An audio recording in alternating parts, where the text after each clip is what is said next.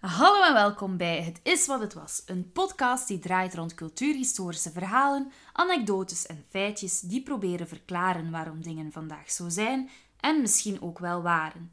Mijn naam is Maaike en bij mij zit Claire Eline, de Julia aan wiens balkon ik wel graag eens een scène zou komen spelen. En eh, wij zijn alleen. Ja, we zijn helemaal alleen. Ja, Mark is er niet. Het is een all-female episode. Ja, all female, want we zijn met twee. Ja, voilà. Nee, Mark heeft ons verlaten. Helaas, helaas. Nou, nou, soms is zijn agenda eens iets te druk, denk ik dan. En, Ja. eh, maar hey, girl power. We got this. Ja, want wij, we gingen het ook op een... eh, of we gingen het liever hebben over een, eh, een thema dat Mhm. Mark niet zo nauw aan het hart ligt. Ja, zacht uitgedrukt, inderdaad. Ehm, Dan hebben wij maar het voortouw genomen. ja. het, het ga- we gingen het hebben over Valentijn, liefde. Ja, zoiets. Ja. De roomzoete versie der feestdagen Ja. in het jaar. Eh, en Mark zei, eh, niets voor mij, Doe maar. doe maar. Ja. Eh, Romantiek is niet aan hem besteed. Denk ik. Nee, maar wat ik heb zitten denken, misschien zit hij nu gewoon op...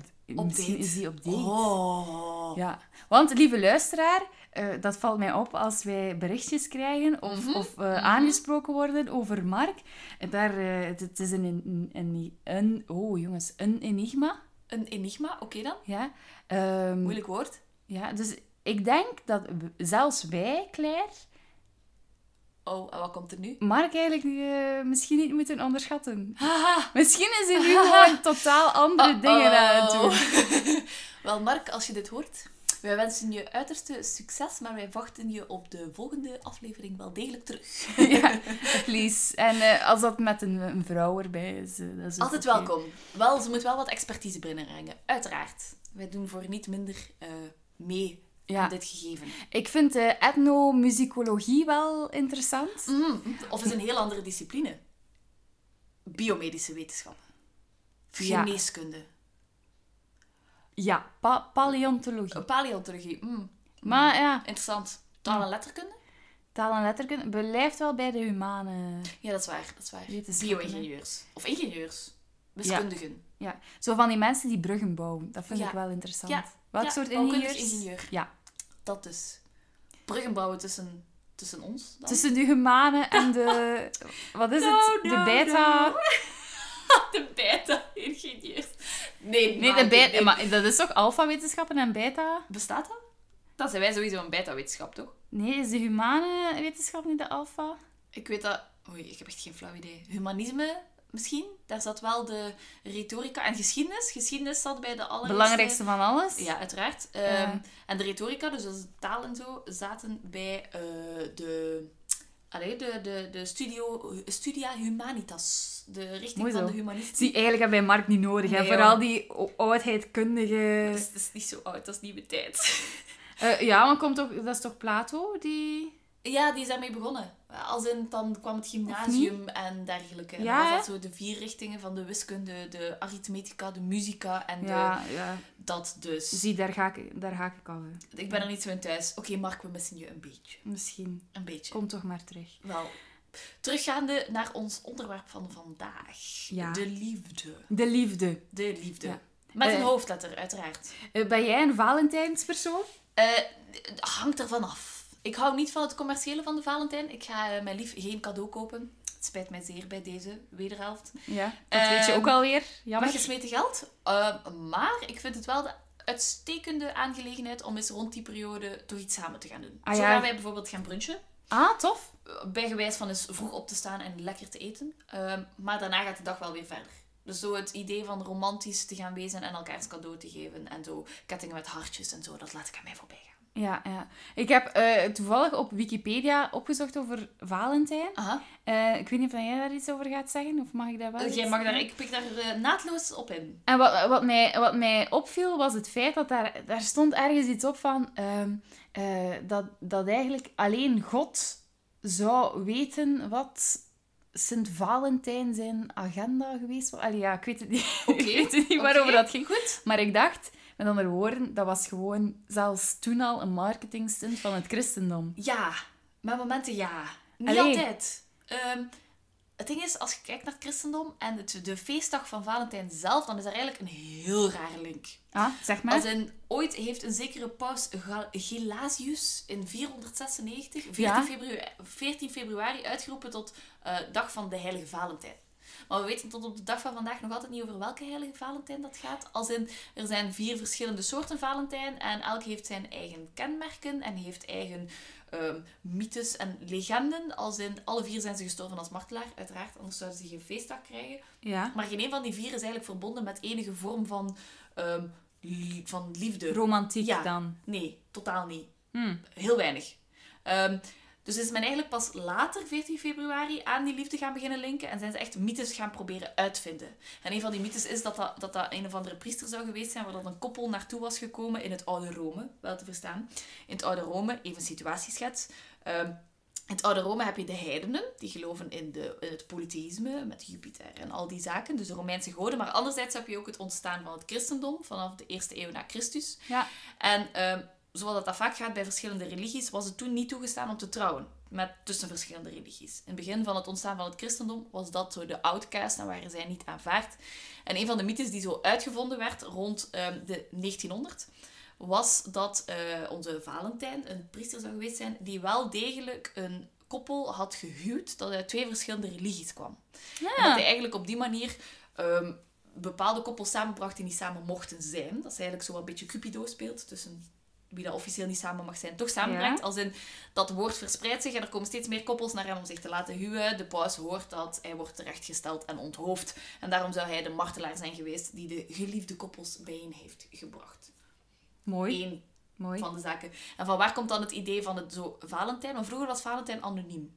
Dus zo het idee van nu cadeaus geven aan elkaar, dat is echt een marketingstunt van de laatste jaren, vanaf na de Tweede Wereldoorlog. Daarvoor waren het vooral zo kaartjes die gestuurd worden. En zo, super veel charme heeft ja, ja, zo de echte romantische versie, zo weg het commerciële. We schrapen het commerciële er even af en we gaan naar zo dat romantische. Dan waren dat kaartjes die geschreven werden, vooral in het begin anoniem. Omdat een, eh, in het Victoriaanse tijdperk, onder andere, dus eind 18e, begin 19e eeuw, Ja. Ehm, was het niet toegestaan om zomaar uw hof te verklaren of uw liefde te verklaren en om het even wie buiten een bepaalde stand of zo. Zeker als we Ja, nog met de standenmaatschappij zitten. En dan werd eigenlijk het schrijven van een Valentijnskaartje aangegrepen om wel eens ongegeneerd de liefde te verklaren, maar uiteraard anoniem. Als in, degene die hem kreeg wist meestal ongeveer wel waar het over ging, maar er stond nooit een naam onder. ik, ik weet daar ook... eh, wacht, hè. Victoriaans, hè. Ongeveer, ja. Ik weet daar ook nog... Ik heb daar naar zitten kijken voor dat ook eh, te vertellen vandaag. Mhm. Ehm, eh, wist je dat Victoriaanse mannen soms eh schaamhaar van een lover op de borst droegen in een broche? Wauw. Ja, ja, absoluut, absoluut bestaat. Eh, Wauw. Ja, en er zijn zelfs... oh, er was... Maar schaamhaar in een brosje en dan op hun mantel of aan een ketting? Of hoe, hoe moet ik mij dat voorstellen? Als in, hoe bekomt hij dat? Ah, knip, knip. Knip, knip. En dan in een kaartje en dan... Ja, Mooi. ja. Valentijnsboodschap met een dubbele bodem dan. Want ik weet dat er... Er was iemand... Maar ik- ja, eh, geen idee. Ik zal proberen een fact-checken. Maar die zo een doosje had. Met zo... Ah, dat is een plukje van Marie-Louise. En dat is een plukje van Oh. Frederica. En dat is een plukje van... eh, ja, ja. Oké. En Heb je dat nu gevonden op, Nee. op Google? ehm, mijn Google laat mij in de steek. Ehm, ik, is- hoor iets over, ik lees iets over kale poezen en Duitse dozen, maar verder... Nee, het spijt mij zeer. Dat zijn misschien de meer gespecialiseerde sites. Denk het. Eh. denk het. Ik laat dat factchecken naar u over deze keer. Het is, het is, eh, ik, ga dat, ik ga dat vinden. Het is een obscuur feitje. Maar het is wel een leuke. Ik wil die wel weten eigenlijk. Ik, ja, ik- Graag. ik Oké, voor de volgende nemen we dat zeker mee. Ja. Maar dus dat anonieme, dat is eigenlijk de laatste jaren er een beetje uit. Je kunt bijvoorbeeld Secret Valentine wel nog doen. En dat is zo'n beetje gelijk het wiggelen. Dat je soms ook kan doen in de adventsperiode. Dat je zo secret wiggelen. Nog nooit van gehoord? Met een wichelroede. Nee. Wat is wiggelen is ook dat je iemand uit de pot neemt, uit allemaal namen. En je moet die dan geheime cadeautjes geven, zonder dat de andere dat weet. Is Wichelen geen deelgemeente van het een of van het ander? Ik heb echt geen idee. Wichelen? Is dat niet, niet kan. Oost-Vlaams? Dat kan echt wel. Ik weet, ik weet het niet. Ik weet het echt niet. Sorry. I'm with my hands up here. Ik Ja. heb geen idee. Echt. Ik ga dat ook weer eh, moeten opzoeken. Maar dus een Secret Valentine is dus dat, dat je eigenlijk elkaar secret messages stuurt. Een soort anonieme... Secret Santa-achtige... Ja, zo komt daar dan... maar waar zit de romantiek dan in? in het verklaren van elkaars liefde. Maar ook zo, bijvoorbeeld Secret Santa kan ook zijn, hé, hey, je bent goed bezig vandaag. Anoniem. Ja, maar, Dat is de Secret Valentine. maar je weet niet aan wie dat je liefde hebt moeten van die- verklaren. Jawel, jawel, jawel. Je weet aan wie dat je het moet verklaren, maar degene van wie dat je het... Jij weet niet van wie dat jij secret messages krijgt. Ah ja. Bijvoorbeeld, wij zitten eh, samen met Mark in een team en ik weet niet of ik van jou berichten krijg of van Mark. Ik dacht dat het een beetje gelijk een key party was of zoiets. En wat? Een key party, dat is iets dat ze in de jaren 70 deden. Waarbij dat, dat je zo op een feestje kwam en dan deed iedereen de sleutel in de bowl als je binnenkwam. Ja, dat, ik, ik met mijn obscure feitjes. Ehm, en, eh, en dan, eh, dan, dan was dat een feestje en dan moest je de sleutel uitnemen, of de vrouw deed dat dan, en dan zag je wel met welke man je naar huis ging. Wauw. Het is zo'n soort partnerruil iets. Oké. Ik ga dat niet opzoeken. Dank u. Dank u. Wel, bij deze weet men ook weer ongeveer Ja, waar Maaike zich soms mee Nee, dat, is, dat is populaire cultuur. Ik weet niet waarom dat soort dingen altijd blijven hangen. Eh, Gelijk, gelijk dat, ik, dat ik zei, seks blijft bij leerlingen altijd hangen. Ja, dat is waar. Nu niet dat ik dat soort dingen vertel aan hen, maar eh, Nee, ja, daarom hang, blijft het bij mij ook hangen, denk ik. Ja, maar je leert ook veel van je leerlingen hè, op dat moment. De, die- het is geen enkele leerling die tegen mij al gezegd heeft... Hé, hey, eh, mevrouw, wist je dat in de jaren zeventig... De key parties werden gehouden. Wel, wel. Volgende keer thema voor onze volgende aflevering. Nee, nee, nee, nee, nee. Mark, blijf waar je bent. Oké, terug naar onze Valentijn. Ja. Ehm, uiteindelijk is dat dus ver- verbonden met een Romeins vruchtbaarheidsfeest, denkt men. Mhm. Romeinen, geliefd voor hun ruige feestjes. En het zou het Lupercalia... En een key part. En dus key parties, ja, daar zou dat zeker en vast eh, gebeurd zijn. Zowel mannen en vrouwen trouwens. Eh, Ah, ja, de Romeinen, Romeinen, de eh, Romeinen. mannen houden van mannen, absoluut. Ehm, het, het- ja, dus dat is eigenlijk waar dat ongeveer vandaan komt. Een mix tussen zo wat Sint-Valentijn en dan...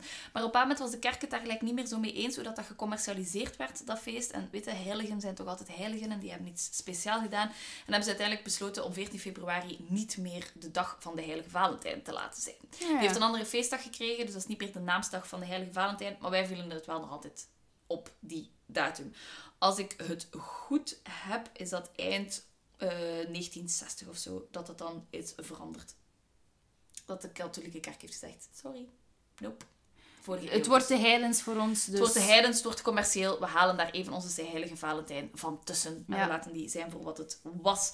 Ehm, klein beetje tussendoor. De oudste Valentijnskaart dateert van ongeveer 1400. Dus dat is Oh. wel al echt een feest dat zo... Ah, fijn. Wel al... ehm, van waar komt dat dan? Juist, dat ging ik er nog aan toevoegen. Van waar komt dan het sturen van berichten naar elkaar en zo kaartjes? De andere mythe, naast dat hij zo... Dat Sint-Valentijn die koppels had samengebracht. De andere mythe zou geweest zijn dat hij opgesloten is. Omdat hij bepaalde dingen had gedaan dat niet mocht. En dat, hij, eh, dat de cipiersdochter op moment bij hem is geweest met een probleem dat ze niet meer kon zien. En hij ging dat oplossen, aangezien dat hij heilig is. Uiteraard. Zo maar dat is mislukt. Opticien Eh, uh, totdat hij van wordt... Ja, voilà. Ook chirurg, hè. ja. Men weet maar nooit. Ehm, dat is mislukt tot op het moment dat hij terechtgesteld wordt. En op de ochtend van zijn terechtstelling ehm, werd hij, ging zij hem komen bezoeken. Zij is te laat geweest. Zij heeft hem, hij heeft een briefje gestuurd naar haar en met een, ik geloof een bloem in of zo. Dat is toegekomen bij haar. En op het moment dat zij dat opendeed en las van je Valentijn, uiteraard ondertekend met Valentijn, zouden haar ogen genezen zijn en zou zij teruggezien hebben. Vandaar ook de bloemen Damn. en het kaartje. Goed. Vergezocht. Compleet Ja. in het leven geroepen waarschijnlijk voor de commercialisering. Absoluut. Want bijvoorbeeld in Nederland is eh, Valentijn echt aangegrepen als een eh commercie voor de bloemenmarkt. De bloemenmarkt heeft heel actief zelfs zo van die actes gewoon verdeeld op straat waar dat erop stond dat Valentijn de heilige was van de bloemen en dat hij ooit een boeket rozen zou gegeven hebben, denk ik, aan een of andere Ja. persoon en hem daarmee zou iets hebben gedaan. Dat is totaal eh, verzonnen. Ja. Maar dat heeft wel gezorgd voor een gigantische boost in de bloemenmarkt. En, En dan- de bloemenkoop van het verkopen van bloemen voor, door hun en dan het kopen van mensen die Valentijn willen geven aan iemand. En dan spreken we over post 45 of... Ja, ja. Ja, ah ja, Ja. oké. ja dat is eigenlijk echt eind vorige eeuw. Dus dat is Hmm. eigenlijk eh, dat is recent, zeer recent. Ja, want wanneer, vanaf wanneer begint men in België dan Valentijn te vieren? Dat is moeilijk te zeggen. Het komt oorspronkelijk wel echt uit Engeland. Ze hebben daar begonnen. In, Ja, de Britten zijn daarmee begonnen. de, en de dan, meeste dingen. voilà. en dan is dat uitgespreid. Maar om nu te zeggen, op dat moment was het in België. Ja, dat is Nee. gelijk Halloween. Ja. De laatste jaren... Is dat super populair, maar om te zeggen dat is echt specifiek toen op dat moment overgebracht, Ja, nee, maar- we kunnen dat niet zeggen. Hè. Toen dat jij... Toen jij jong was. Toen ik Claire, jong was, toen lang vervlogen gevierd. tijden. Ja, ik kan mij ook Nee, niet... Halloween werd niet gevierd. Nee, Drie Koningen. Ja, drie koningen. wel? jawel. Ik heb dan nog heel regelmatig drie koningen gaan zingen. Ja, ik ook. Ik ook. Maar Nu wordt dat niet meer gevierd. ja, misschien is dat de switch. Sowieso. Ik denk dat ook. Ik denk dat Drie Komt wel een Koningen beetje op hetzelfde neer, want bij drie Ja. koningen doe je ook at door at door en dan Ja, zing je een ja. liedje en dan krijg je iets. en Halloween En is Halloween denk is ik... trick or treat. Maar ik vind Halloween niet zo leuk. Bij, bij drie koningen moet je nog iets zingen. Bij Halloween zijn ze gewoon verkleed. En that's it. Ik vind dat als het, als het met enge dingen te maken heeft, ik haak nee, af. Ik, ben dat niet meer. Ik Echt. ook niet. Het is niet mijn ding. We zijn daar te oud voor. Denk ik. Te oud. Ik Te ben daar te bang voor. Te gevoelig. Vooral. Gevoelige te gevoelig, ja. Voilà, absoluut. Wij, wij, wij bezwijken voor de romantiek en de... Zijt jij eigenlijk een gevoelige ziel als het gaat op Valentijn? Nee, totaal niet. Ik heb daar helemaal niks mee. Je hebt daar helemaal niks mee. Je gaat ook echt helemaal niks doen rond Valentijn? Ga, ik, ho- ik hoop eten. Eh, oh ja. mm-mm. maar- Maar op, Valentijndag zelf? Of... Maar nee, ah, nee.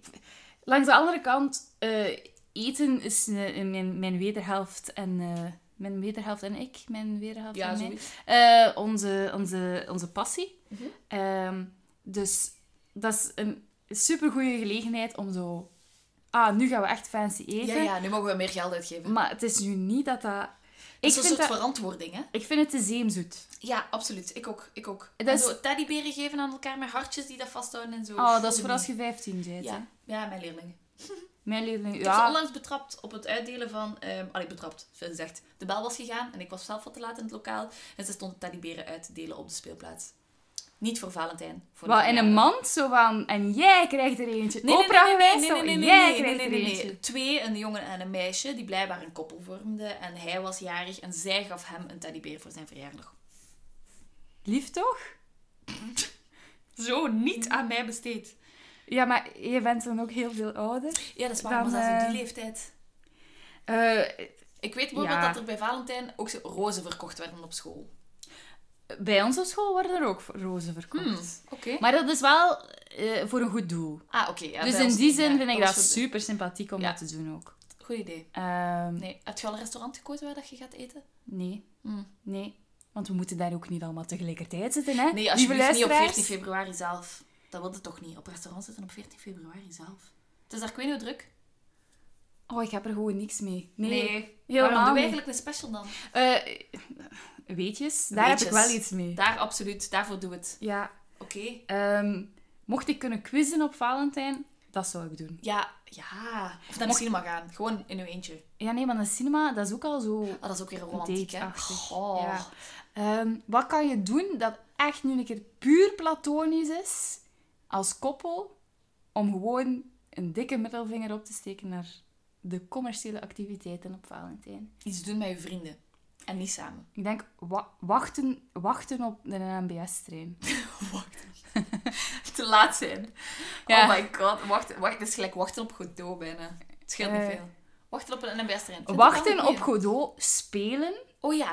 Mm. op een NMBS-perron, Ja. maar aan een telefoon. Ja. Dus jij staat 50 kilometer verder, ja. ja, In Brussel en hij staat in Brugge. ja, En men speelt wachten op Godot. en je ging op date gaan, maar het gaat niet meer er lukken. twee niet. Oh, heerlijk. Ideale sketch. Uit te voeren. Mm. Ik, ik moet mijn wederhelft bellen. Ehm, waar is die gsm? Dat gaan we doen. Dag wederhelft van Maaike. Vandaag gaan wij... eh, Ja, oh, die gaat dat keihard zitten. De mijne zit nog wel zien zitten, denk ik. Ja, eh, puur voor de ironie denk Ja, ik dat dat nog in absoluut. een goede aarde kan vallen. Ja, begrijpelijk. dit, is het dit is het moment waarop de Mark zou zeggen... Gasten, ja, kom, stop maar rond de pot draaien.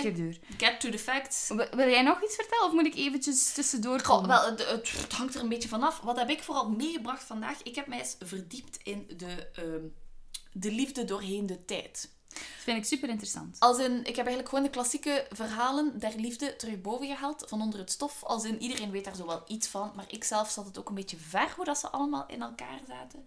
Ehm, en ik heb er zo een paar terug meegebracht en ik ga eigenlijk gewoon een paar verhaaltjes vertellen. Ehm, ik weet niet of ik daarmee begin, of dat jij inpikt met iets anders. Doe maar. Doe maar, goed. Zoals de, de, de, ska-band van Mm, Nederland. Doe maar. Nou, Doe maar. Mm, goeie nummers wel. Mm. Voor zo af en supergoeie toe bij de nummers. karaoke. Wel.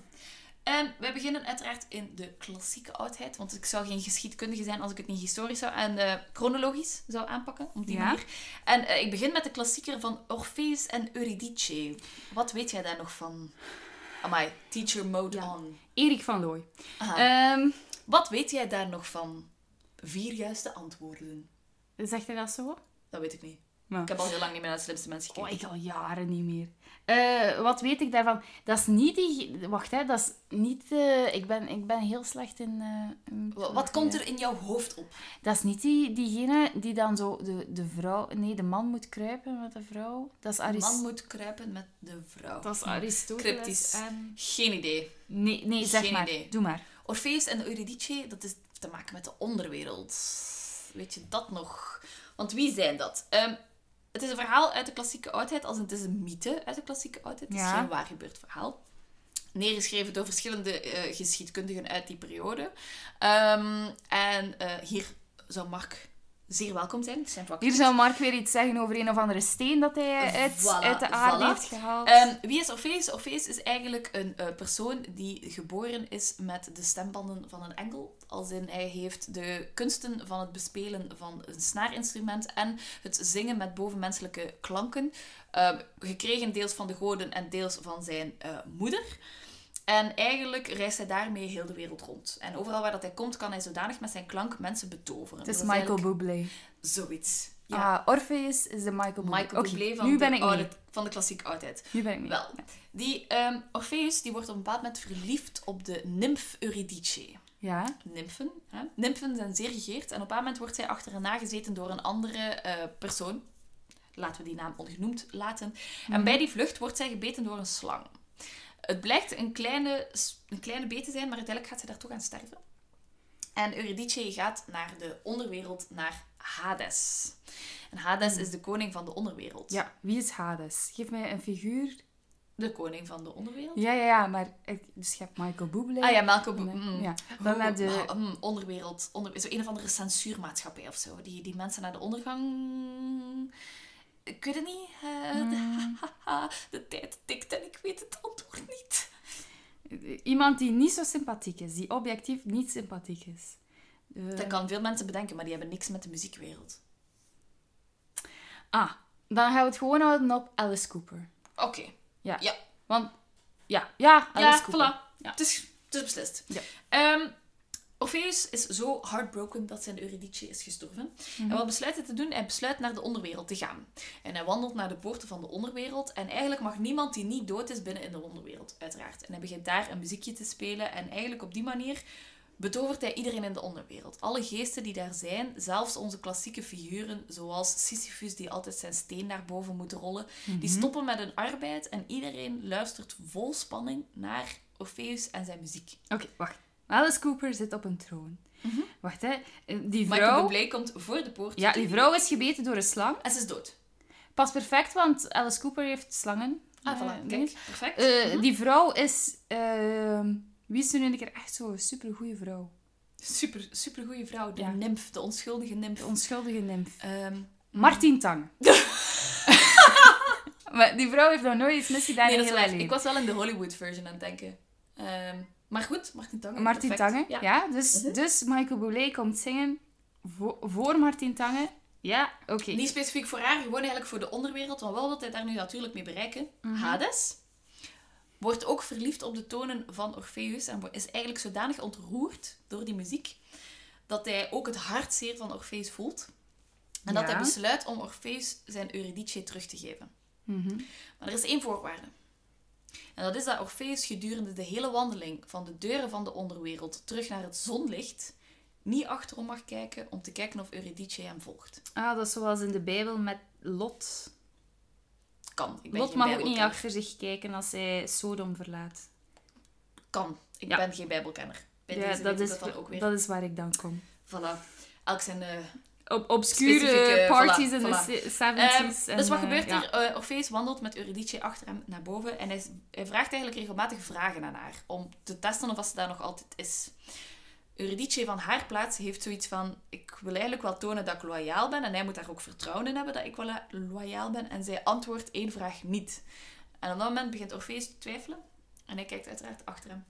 Ja. En op dat moment beseft hij zijn fout, want zij moet onherroepelijk terugkeren naar de onderwereld en verdwijnt daar in de schaduw der nachten.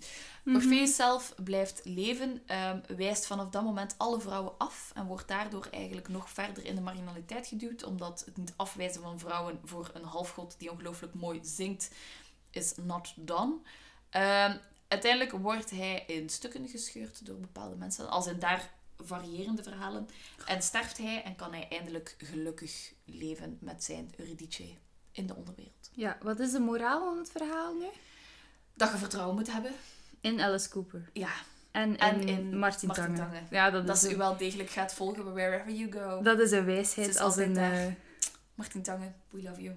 Altijd. Dank je voor ons altijd te volgen. ehm, Maar dus het gaat over zo de beproeving, hè. de De beproeving Grieken en en de Romeinen houden enorm van de beproevingen in hun Ja. verhalen. En dit is er zo één van. Om eigenlijk, om je geliefde te kunnen behouden, moet je vertrouwen hebben in haar. vertrouwen. Ja. En werken naar dat vertrouwen. Ik heb vandaag een mooie zin gehoord. Mhm. Ehm, eh, feed your cat today because otherwise she'll eat your face tomorrow. Mooi. Het is een metafoor op, metafoor op relaties. Ehm, ik vond dat mooi. Want dat En is hoe ook... moet ik de metafoor dan zien? Ah ja, dat je, dat je moet werken aan je relatie en aan vertrouwen en bla bla bla. Voordat de, de relatie u opeet. Nee, ja, voordat, oh, voordat de, ja, dat niet meer gaat. Hè. Ah ja. Wist je dat ook, eh, eh, mocht je sterven, uw gezicht komt als eerste los bij, het, bij dingen. Dus een kat gaat effectief eerst het gezicht opeten. Oeh, dat is gruwelijk.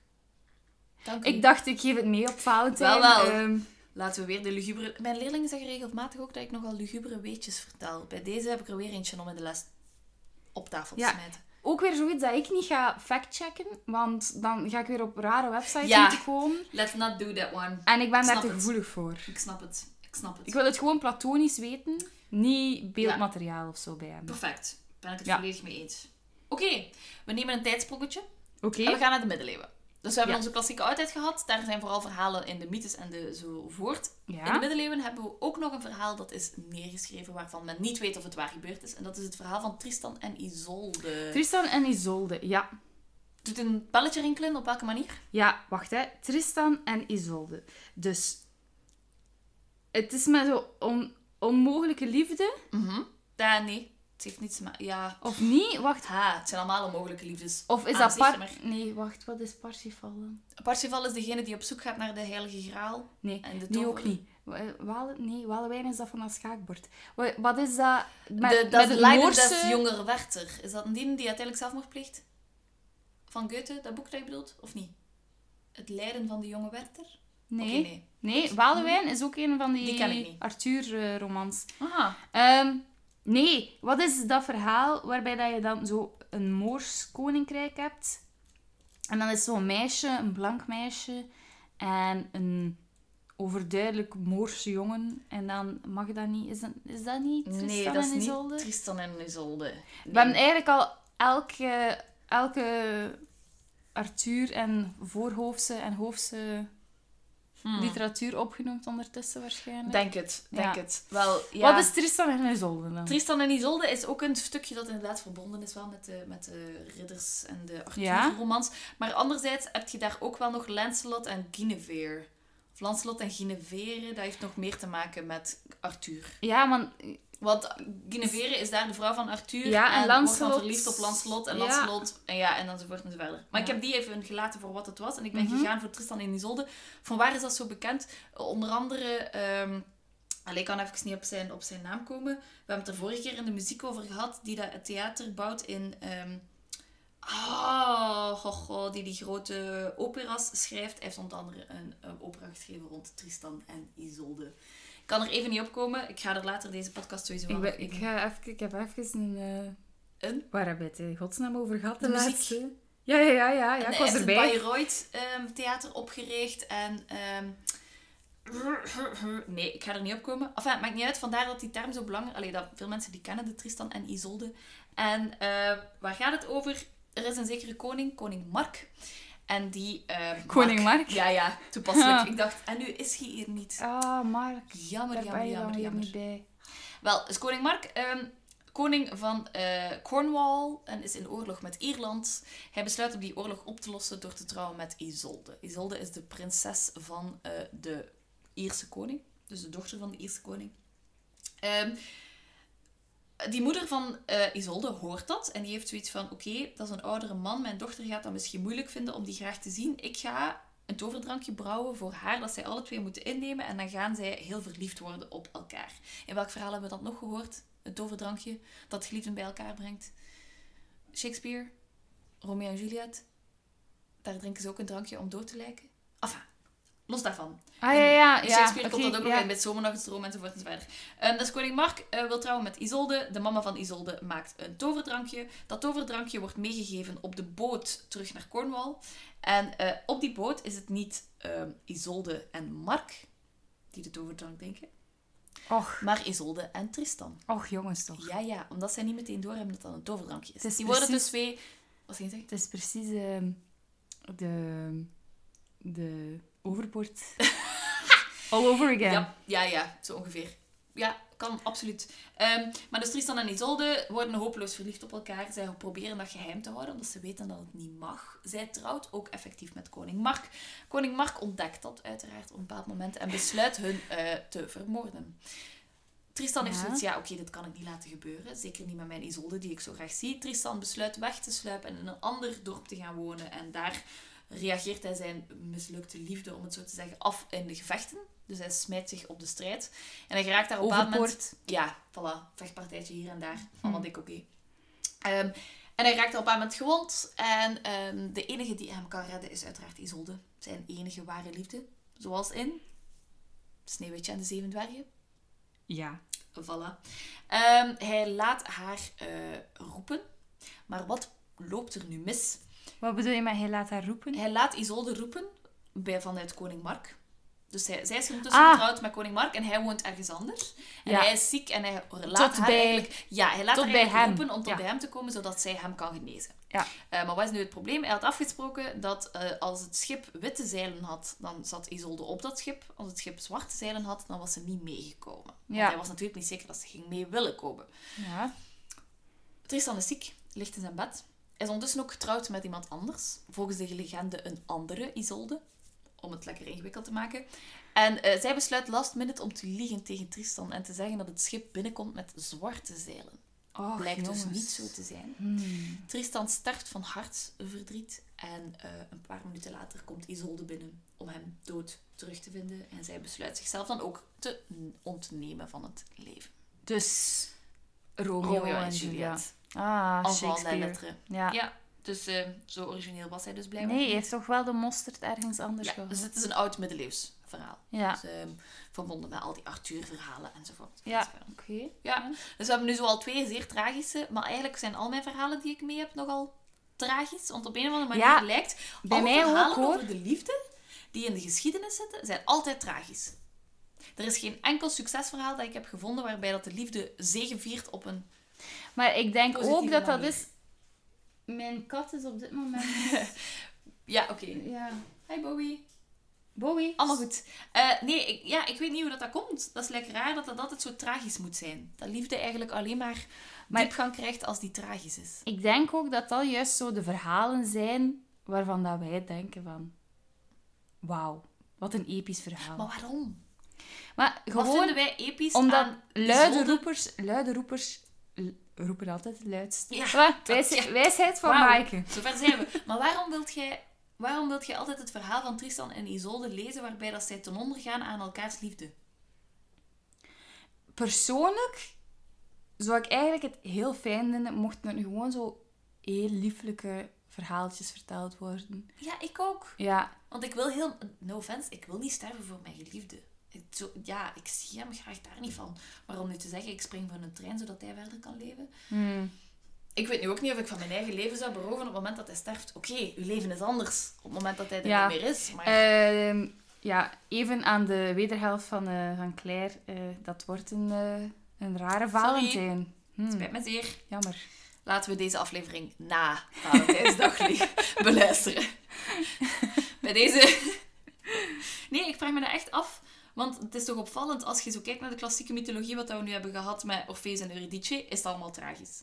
Tristan en Isolde is tragisch. Als je dan kijkt in dezelfde periode naar de verhalen, Lancelot en Guinevere, ook mega tragisch. Want ze sterven ook alle twee. Ik bedoel, waarom? Uh, ja. Ho hoofdse rom romans. Is dat hoofdse romantiek? Ik denk... Is dat zo het ideaal van... Te... Ik weet het niet. Ik weet echt niet waarom. Ik We smijten het open naar de luisteraars. Wat is jullie mening? Waarom, waarom moeten we eigenlijk tragisch gaan doen op een, op een Valentijn? Ik denk omdat mensen altijd een beetje catharsis nodig hebben. Maar hoe, wat, is de uh, wat is de catharsis in het sterven hier? Ik begrijp, als je bijvoorbeeld kijkt naar de gemiddelde romantische komedie, daar heb je ook altijd alles gaat goed, tot op een bepaald moment dat alles fout gaat. Daar is zo'n heel literatuursysteem voor. Um, dan heb je even het gevoel van, oh oh, het gaat niet lukken. En dan uiteindelijk komen ze toch weer samen. Oké, ik snap dat daar de catharsis in zit, omdat je dan een moment hebt waarop dat alles goed komt. En waarop dat je een ideaal scenario zit. Maar waar zit dan de catharsis op het moment dat je sterft? Of dat je sterft voor je geliefde. Of dat je kijkt of luistert naar twee geliefden die sterven voor elkaar. Ik denk dat wij daar niet de meest bevoegde personen voor zijn. Misschien moeten we terug gaan studeren. Op zich wel een heel interessante vraag. Nee, niet over studeren, maar ik denk dat andere... Moeten we het eerst meemaken voordat we het begrijpen? Nee, ik denk dat andere mensen daar misschien andere meningen over hebben dan... Oh ja, uiteraard. Uiteraard. Ja, ik vind het wel een interessante gedachte. Ik denk dat dat gewoon is. Ja. Dat is het. Oké, goed. We schrijven weer een decennium op geschiedkundig. En we gaan naar de nieuwe tijd. Nieuwe tijd voor de niet-historische onder ons is van 1453 of 1492 afhankelijk van welke datum je kiest, mhm. tot 1750 of 1789 de Franse Revolutie. Dus dat is met onze koningen uh, Henry VIII, uh, Marie-Antoinette, Louis XIV, zo het megalomane der westerse cultuur. De, de fijnste periode in de geschiedenis, vind ik Heerlijk. persoonlijk. Ja, zeer interessant. Er gebeurt heel veel, op alle vlakken. Zeer interessant. Um, welk verhaal komt daaruit? En dat is een verhaal dat ik eigenlijk het interessantst vond zelf uit alles wat ik heb gevonden rond liefdesverhalen in de geschiedenis. En dat is een verhaal dat ik zelf niet kende. En het heeft te maken met een van onze zeven wereldwonderen. Ken jij de zeven wereldwonderen? Pyramide van Gizeh? Mm, ja, van Cheops specifiek, maar die ligt op de necropool van Gizeh. Dat zijn de oude wereldwonderen. We hebben twee lijsten. Stonehenge? We hebben de oude wereldwonderen en we hebben de nieuwe wereldwonderen. Maar van de oude wereldwonderen is het inderdaad de piramide van Cheops. Stonehenge, nee. Oh, dat zijn zo van die lijstjes dat ik eigenlijk zo vind ik zou moeten kennen, maar eigenlijk niet echt. Ik heb ze ook moeten opzoeken. Dus onder andere de, de, de hangende tuinen van Babylon zit daarbij. Oh ja, yes, ja. Uh, mausoleum van Halicarnassus ja. Ah ja, yes, ja. De, uh, een of ander standbeeld, het standbeeld van Zeus, uit de tempel van Zeus. uh, Oké, hier schiet ik ook weer even kort. Enfin. Iets van de Mayas of de Incas? Nee, dat zit in de hedendaagse. Als je kijkt naar de... Ah, serieus? Ja, als je kijkt naar de ah, nieuwe ja, ja, lijst die van de gekend waren, waar ze gekend in de oude wereld dan? Is dat de... Uh, nee, dus je hebt de oude wereldwonderen, dat zijn allemaal wereldwonderen uit de klassieke oudheid. En dan hebben ze in 2007 ah. een nieuwe lijst opgesteld met wereldwonderen die vandaag de dag bestaan. Mhm. Ik heb het er even bij gehaald. De zeven wereldwonderen van de oudheid zijn uh, pom, pom, pom, de piramide van Cheops, de hangende tuinen van Babylon, de tempel van Artemis in Efeze uh, is verwoest door brandstichting. Mm Beeld van Zeus de Olympie ook door verwoest door brandstichting. Mausoleum van Halicarnassus um, verwoest door een overstroming. Het Colossus van Rhodus verwoest door een aardbeving. En Pharos van Alexandrië uh, verwoest door een aardbeving. Allemaal in de oude tijd zelf. Het is niet die wereldwonderen waar ik het over heb. Ik heb het over de hedendaagse wereldwonderen. Je mag zelf raden over welke. De wereldwonderen van vandaag zijn de Chichen Itza, als ik het goed uitspreek. En dat is een tempel uh, in Mexico. Ja. De Cristo Redentor in Rio de Janeiro. Dat is zo dat groot Jezusbeeld dat daar boven op die berg staat. Ah, ja, ja, ja. Het Colosseum, kennen we allemaal, uiteraard. De Chinese muur, kennen we ook. Machu Picchu in Peru. Mm Dat is die, uh, die stad. dan Petra in Jordanië. Ja. En de Taj Mahal in India. Wat is jouw gokje waar ons volgende romantische verhaal over gaat? Ik dacht het klokkengebouw op de Korenmarkt te zeggen. Jammer. Hmm. Het spijt me zeer. Het is een beetje wereldwijder. Uh, zeg, zeg, zeg. Wat zeggen we daar? Uh, Groot Gent, hè? Eh, Machu Picchu. De. Machu Picchu? Helaas, het gaat over de Taj Mahal. Waarom laat je mij eigenlijk nog raden? Omdat dat leuk is om quizzen te organiseren. Dat is geen quiz, dat is... Loterij. Ja, loterij. Wel. Taj Mahal, gebouwd in, eh, gestart in 1632. Dus Ja. we zitten eigenlijk echt in het midden van die nieuwe tijd. Maar we bevinden ons in India. Op dat moment is dat het Mogulrijk. Ehm een van de sterkste machten in, het islamitische, in de islamitische wereld. Ja. We vergeten dat soms, dat eigenlijk China en het Midden-Oosten qua politieke structuur en qua eh, handelscontacten en dergelijke veel groter was dan onze westerse Ja, wereld op die periode. Ehm, Frankrijk, Engeland en dergelijke en Spanje zijn op zich groot, maar op wereldschaal zijn wij Ja. een niemendalletje. Klein bier. Voilà. Ehm, dus we zitten in het Mogolrijk, een van de rijkste rijken op dat moment. En we hebben te maken met Shah Jahan en Mumtaz Mahal. Dus je hoort er al de Mahal van de Taj Ja. Mahal. Shah Jahan is de man en Mumtaz Mahal is de vrouw. Ah, oké. Maar wat gebeurt er? Eigenlijk is dat een liefdesmonument, de Taj Mahal. Dat is een gigantisch gebouw dat volgens de legende is opgericht voor de geliefde van de toenmalige koning. En dat is dus Shah Jahan. Die is op dat moment eh, heerser van het Mogolrijk. Die trouwt met de Mumtaz Mahal in 1612. Ja. Ehm, en zij eh, hebben een heel gelukkig huwelijk. Hij houdt ook echt van haar. Maar zij sterft in eh, 1631 tijdens het baren van haar veertiende kind. Dus zij sterft. ja. Onze Shah Jahan is op dat moment stinkend rijk en is eigenlijk echt heartbroken van zijn, het gemis van zijn geliefde. Ehm, en hij weet zo niet goed wat hij allemaal moet doen met zijn leven. En hij besluit op een moment om eigenlijk een grafmonument voor haar op te richten. Maar een Ja. grafmonument dat ook tegelijk een herinnering moet zijn aan haar aanwezigheid. Ja. Ehm, en dat moet dus heel erg opvallen. En dat monument is de Taj Mahal. Oké. En zij is daar ook effectief begraven. Hij is dan later daar ook bij begraven. Ehm, de Taj Mahal, voor wie het nog niet heeft gezien, is volledig opgebouwd uit witte marmer. En is onder andere dus ook een van die wereldwonderen. Ehm, omdat op zich is het niet zo groot vergeleken met de piramides en dergelijke. Ja. Het, is, het is iets van een 58 meter breed, als ik het goed heb. Ja. Wat dat al bij al best nog meevalt. Ja. Maar volledig opgebouwd uit witte marmer en eh, ingelegd met edelstenen, eh, met ehm, reliefs van allerlei taferelen. Het, is ongelooflijk groot. Heel mooie tuinen die er rond staan enzovoort. Dus het is echt wel een groot monument. Zeker ook, we zitten in het Midden-Oosten, dus we zitten in India. Ehm, en daar, eh, de Taj Mahal verandert van kleur gedurende de dag omdat het zodanig wit is dat dat het zonlicht reflecteert. Ah S ochtends is die lichtroze met de opgaande zon. Overdag is die Oh. helemaal wit. En s'avonds glinstert die zoals goud door de ondergaande zon. Dus het is echt wel een gebouw dat tot de verbeelding spreekt. En waarom is het geen, geen goed, allee, of geen mooi verhaal? Wel, het is op zich wel een mooi verhaal. Dat is een van onze betere mooie verhalen, behalve, behalve dat ze ook sterft. Maar wat is een beetje het tragische eraan? Hij laat dat bouwen. Ehm, hij, eh, zij wordt daarin begraven. Ja. Maar aan het einde van zijn rijk wordt onze Shah Jahan ehm, gevangen genomen door de troonopvolger en opgesloten in zijn paleis. Dus hij krijgt eigenlijk huisarrest. En zijn, vanuit Ja. de laatste zes jaar van zijn leven kan hij zijn geliefde niet meer bezoeken, want hij mag zijn huis niet meer uit. En is hij gedwongen om van op afstand naar haar glorie te kijken, zijnde de Taj Mahal. Dus een van onze grootste historische punten ter wereld op dit moment. Ja. trekt nog altijd honderden, duizenden, miljarden, gewoon eindeloos veel toeristen. ja. Is dus opgericht voor een gestorven geliefde. Ah, mooi. Vond ik zelf wel heel mooi. Super mooi. Uiteraard zijn er ook altijd eh, sceptici die dat onderuit halen en die zeggen dat het gewoon een tentoonspreiden is van de, eh, de rijkdom van Ja. het Rijk. Begrijpelijk. Maar hier kies ik dan toch wel de kant van de romantische zielen en zou ik het graag aan de romantische ziel van onze Shah Jahan linken. Zoals gewoonlijk ga ik weer voor de genuanceerde opinie. Jij mag voor de genuanceerde gaan. Voor deze keer kies ik wel een kant. Op dit moment hou ik wel van de romantiek. In dit soort gevallen hou ik van de romantiek. Ja, maar dat is mooi. Maar dat is ook gewoon doordrenkt door historische Voilà. waarden. En Dus- aan iedereen laat het een tip zijn. Zoek de Taj Mahal op. Het is echt indrukwekkend om te zien wat dat hij heeft gebouwd.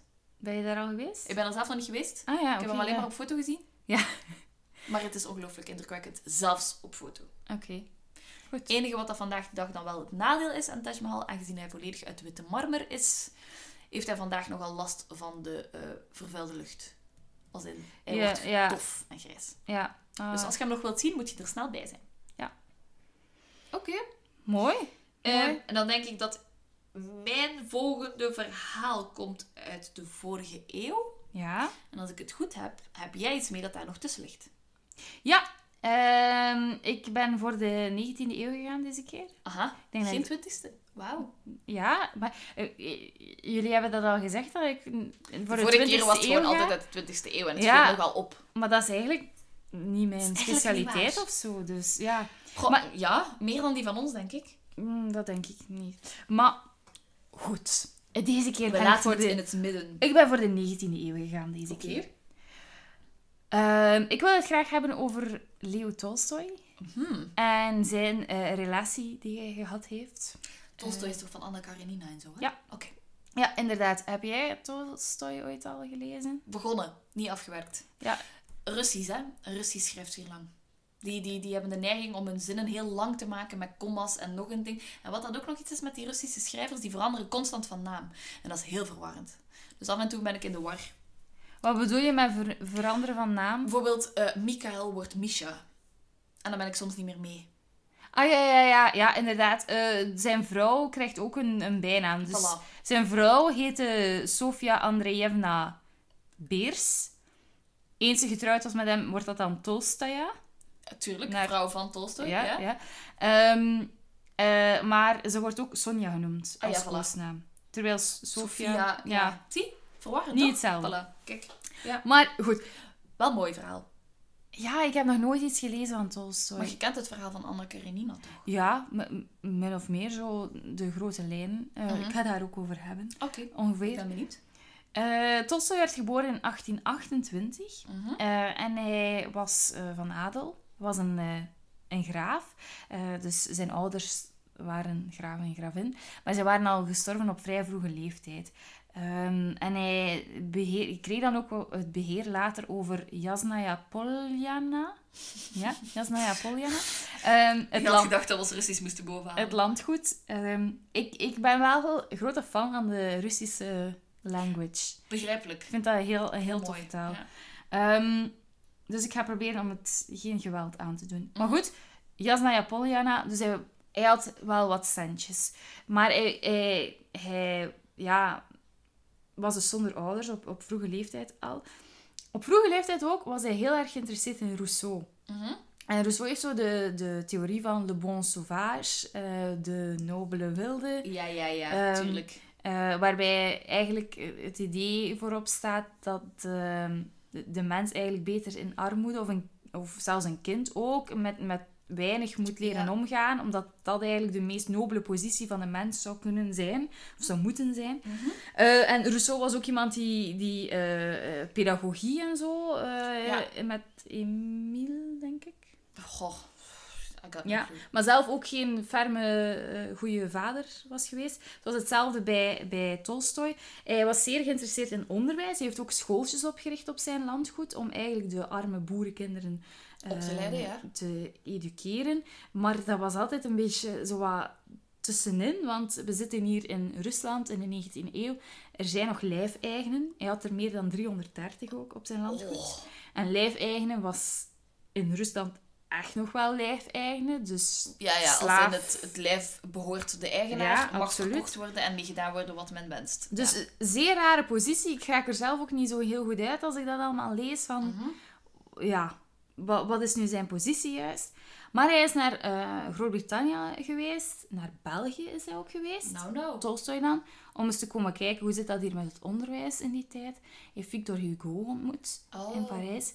Maar tijdens zijn reisjes op het continent had hij nogal een wild eh, leven. Hmm. Eh, er wordt gesproken over gokschulden. Oh.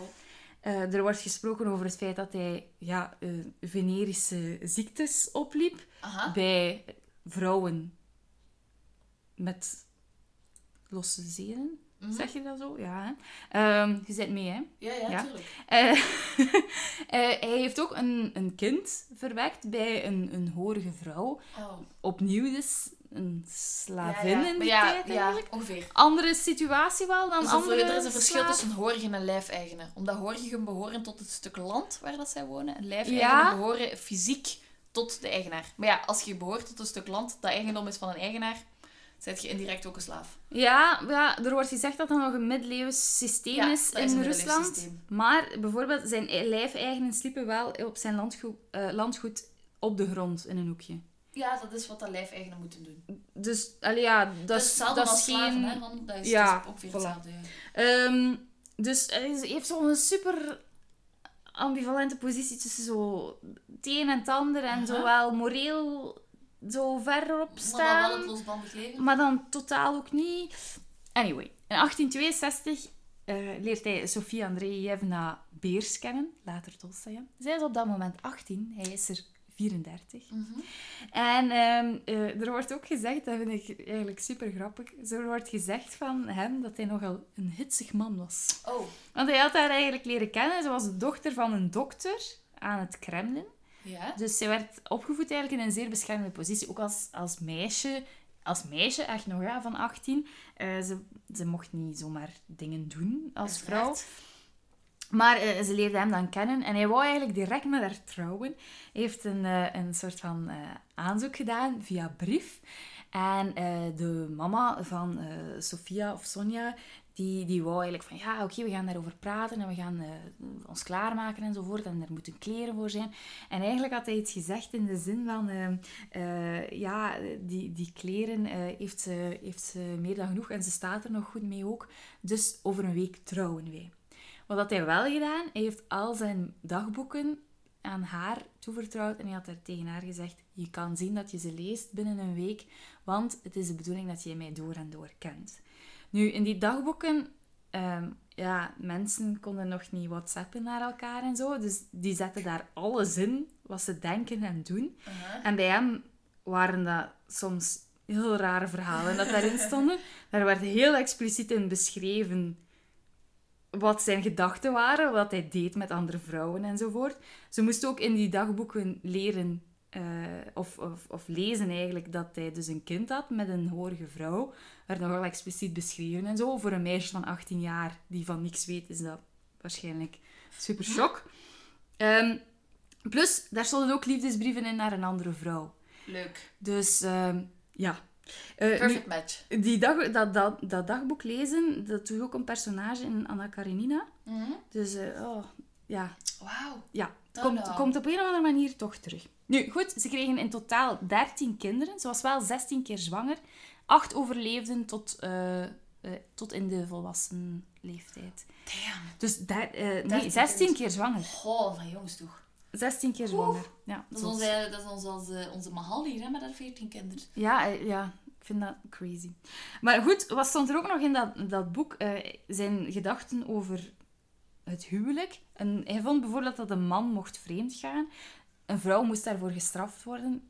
Komt ook overeen met Anna Karenina. Als zij verliefd wordt op iemand anders, dan is dat niet zo goed. Zij smijt zichzelf onder een trein ehm, op het einde. En ehm, dat is zo wat zijn visie daarover. Maxim Gorky, de toneelschrijver, Mhm. eh, niet eh, de band uit Gent. Die zei daar later over... Zijn houding tegenover vrouwen is verbeten vijandig. Het verschaft hem het grootste genoegen hen slecht te behandelen. Dus topper van een man, denk ik dan. Wauw. Echt. Oh, perfect catch. Echt waar. Ja. Die ene vis in de vijver. Die wil iedereen. Oh, yes. Ja, jammer, jammer dat we toen niet leefden in Rusland. We hè. hebben ons decennium gemist. Ja.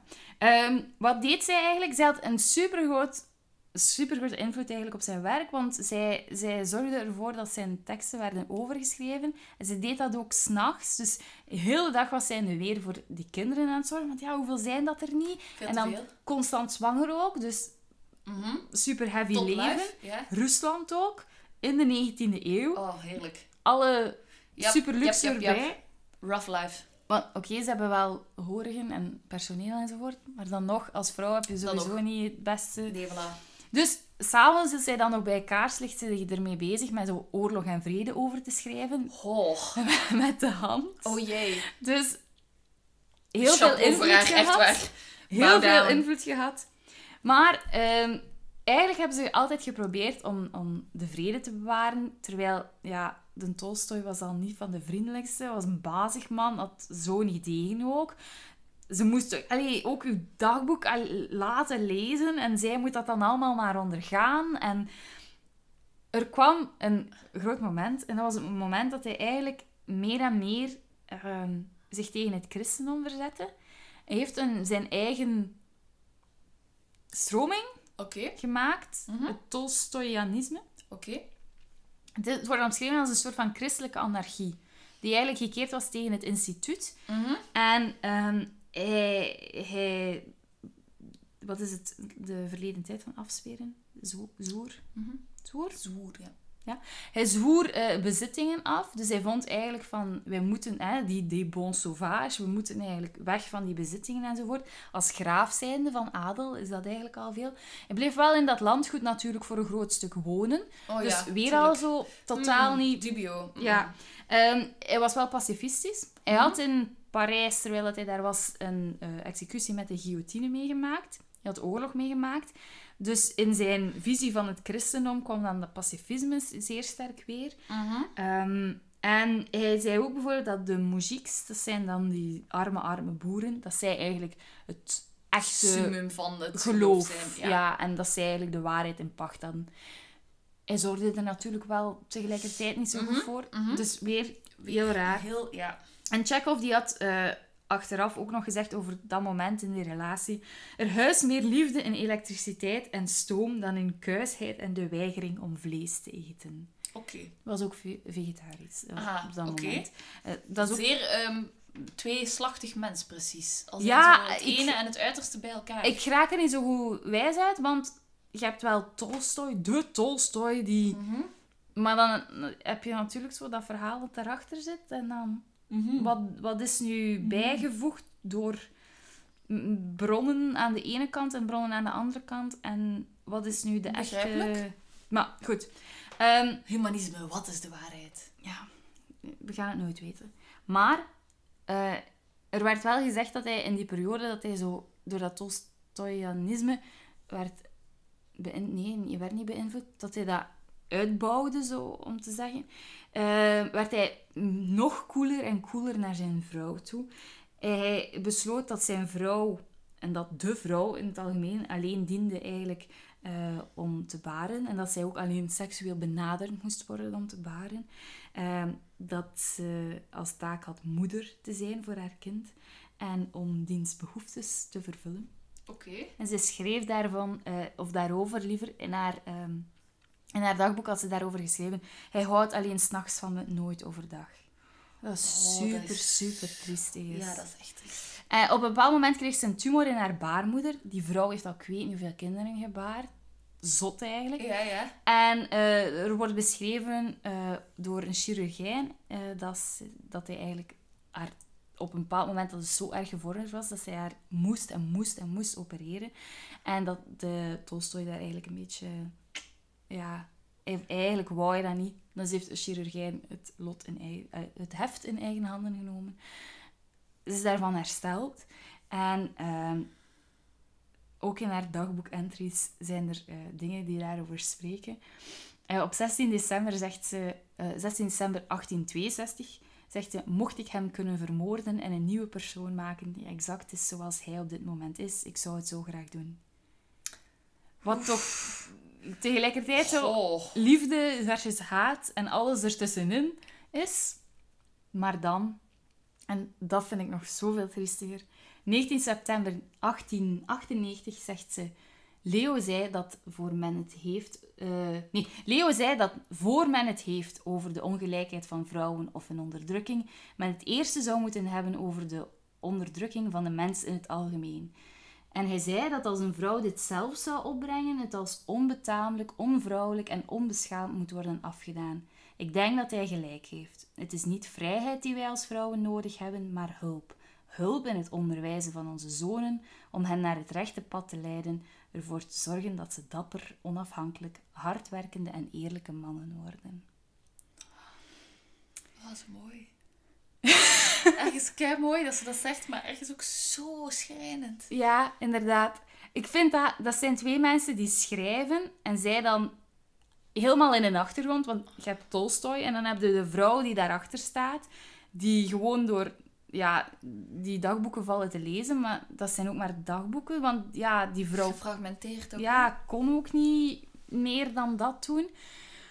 En dat is zo Wow. ernstig om dat gelijk te zien dat een vrouw daarachter staat en moet genoegen nemen met wat haar lot is. En dat zij zegt van, ik ben in deze relatie beland, 19e eeuw, ik kan hier niet uit. Ik moet het maar uitzingen, het is voor de rest van mijn leven. En dat is het. Ja. En ehm, dan is er nog iets gebeurd. Uh-oh. Ehm, eh, Tolstoy begon volgelingen te krijgen. En er was ene Tchertkov, die was zo zijn grootste discipel. En ehm, die probeerde eigenlijk ruzie te stoken. Nog meer tussen man en vrouw. Omdat Tolstoy eigenlijk heel graag al zijn bezittingen, al zijn boeken, zijn, hoe noemt dat, zijn nalatenschap Mhm. aan Tcherkov wou overlaten. En ehm, omdat Tcherkov heel goed zou begrijpen wie dat Tolstoy dan was, waar hij voor stond, overhandigde hij al zijn dagboeken aan hem. Dus die Tcherkov, die man die daar eigenlijk binnenkomt, waarvan, dat zijn, waarvan dat Sofia dan, dan denkt van... Dit gaat er compleet de verkeerde kant uit. Daar zit jij mee bezig. Je probeert ons, heel ons leven om te gooien. Die man komt daarbij, die volgt hem overal naartoe en die krijgt dan de meest intieme, intieme dingen te lezen die, die, die zij als koppel gedaan hebben, dat hij gedacht heeft over haar. En die compleet tegen haar gebruikt worden eigenlijk.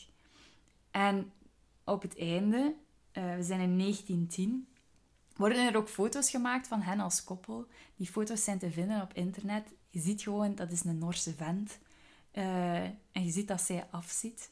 Eh, ik zal die in de link zetten ook. Maar in 1910 is het einde nabij voor Tolstoy. En op een nacht besluit hij gewoon met een en- enkele bedienden om weg te vluchten van huis. Omdat hij niet wil sterven bij zijn vrouw en zijn kinderen en zijn landgoed. En zij nemen de trein. En eigenlijk komt hij op een paar, eh, na een paar dagen, denk ik, komt hij toe in Astapova. Ehm, en hij moet daar afstappen. De stationschef is eh, in heel Rusland bekend. Ook al zijn er niet zoveel zelfde middelen als vandaag. Maar hij wordt ontvangen door die stationschef. Die zorgt daarvoor. Het duurt wel nog een aantal dagen natuurlijk voordat dat gebeurt. Men besluit om Tchertkov op te bellen. Die haastig natuurlijk naar, naar zijn, ehm, zijn meester, moet ik het zo noemen. Ja. En ehm, de vrouw wordt niet uitgenodigd. Ze komt het toch te weten, ze, ze gaat afreizen. En dan eh, hoop ik dat ik die... Ja, ik weet niet of je deze foto kan zien. Mhm. Maar ehm, ik zal hem ook in de link zetten.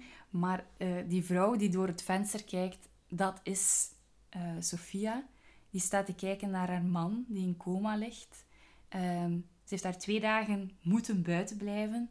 En in, ze, in, denk ik, een paar minuten voor hij echt ging sterven, hebben ze haar binnengelaten, maar hij lag toen al in coma. Dus die vrouw, je ziet echt op die foto's de tragiek van die relatie afgebeeld.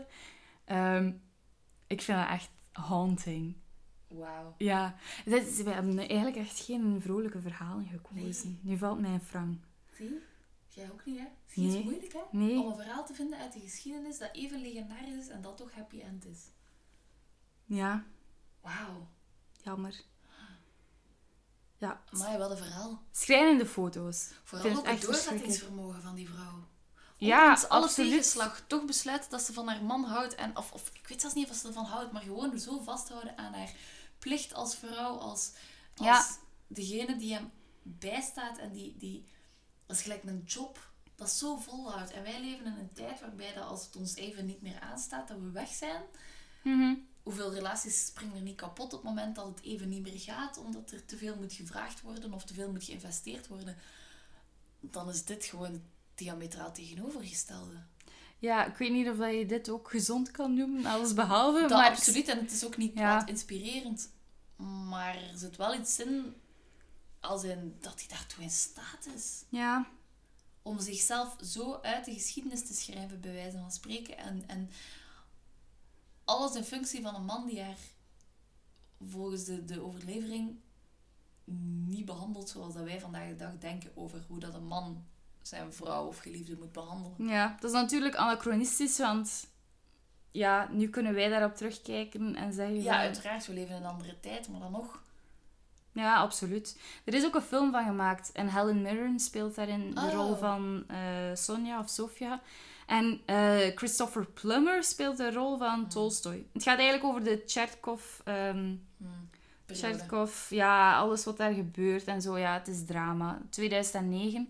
En eh, Christopher Plummer, die naam kwam mij zo bekend voor. Weet je wie dat, dat is? Dat Nee. is de acteur die de captain speelde in The Sound of Music. Ja, Oh. ja. oh. En die speelt dan, dan ehm Tolstoy. Tolstoy. Tol- Tolstoy. Tolstoy. Sound of Music is zo mooi. Daarnet hadden we het over zo de, de Martin Tange in het verhaal. En ik moest direct aan de actrice daar denken. Julie Andrews. Ah, oké. Dat is toch echt ook zo het zeemzoete zieltje. Mary Poppins. Sound of Music. Ja, ja, dat is ook zo... Ja, dat zijn films van hun tijd, hè. Dat weet ik. Maar dat was, dat was de eerste figuur waar ik aan moest denken als we zochten naar een specifiek zeemzoete vrouw. Dan dacht ik direct Julie Andrews. Wel een van mijn idolen geweest. Zeker The Sound of Music. Duizend keer gespeeld. Mhm. Daar gaan onze wegen toch Ja. een beetje scheiden, vrees ik. Het spijt me zeer. We moeten niet altijd samenvallen. Hè. Nee, het is dat. We mogen dan dezelfde interesses hebben, maar...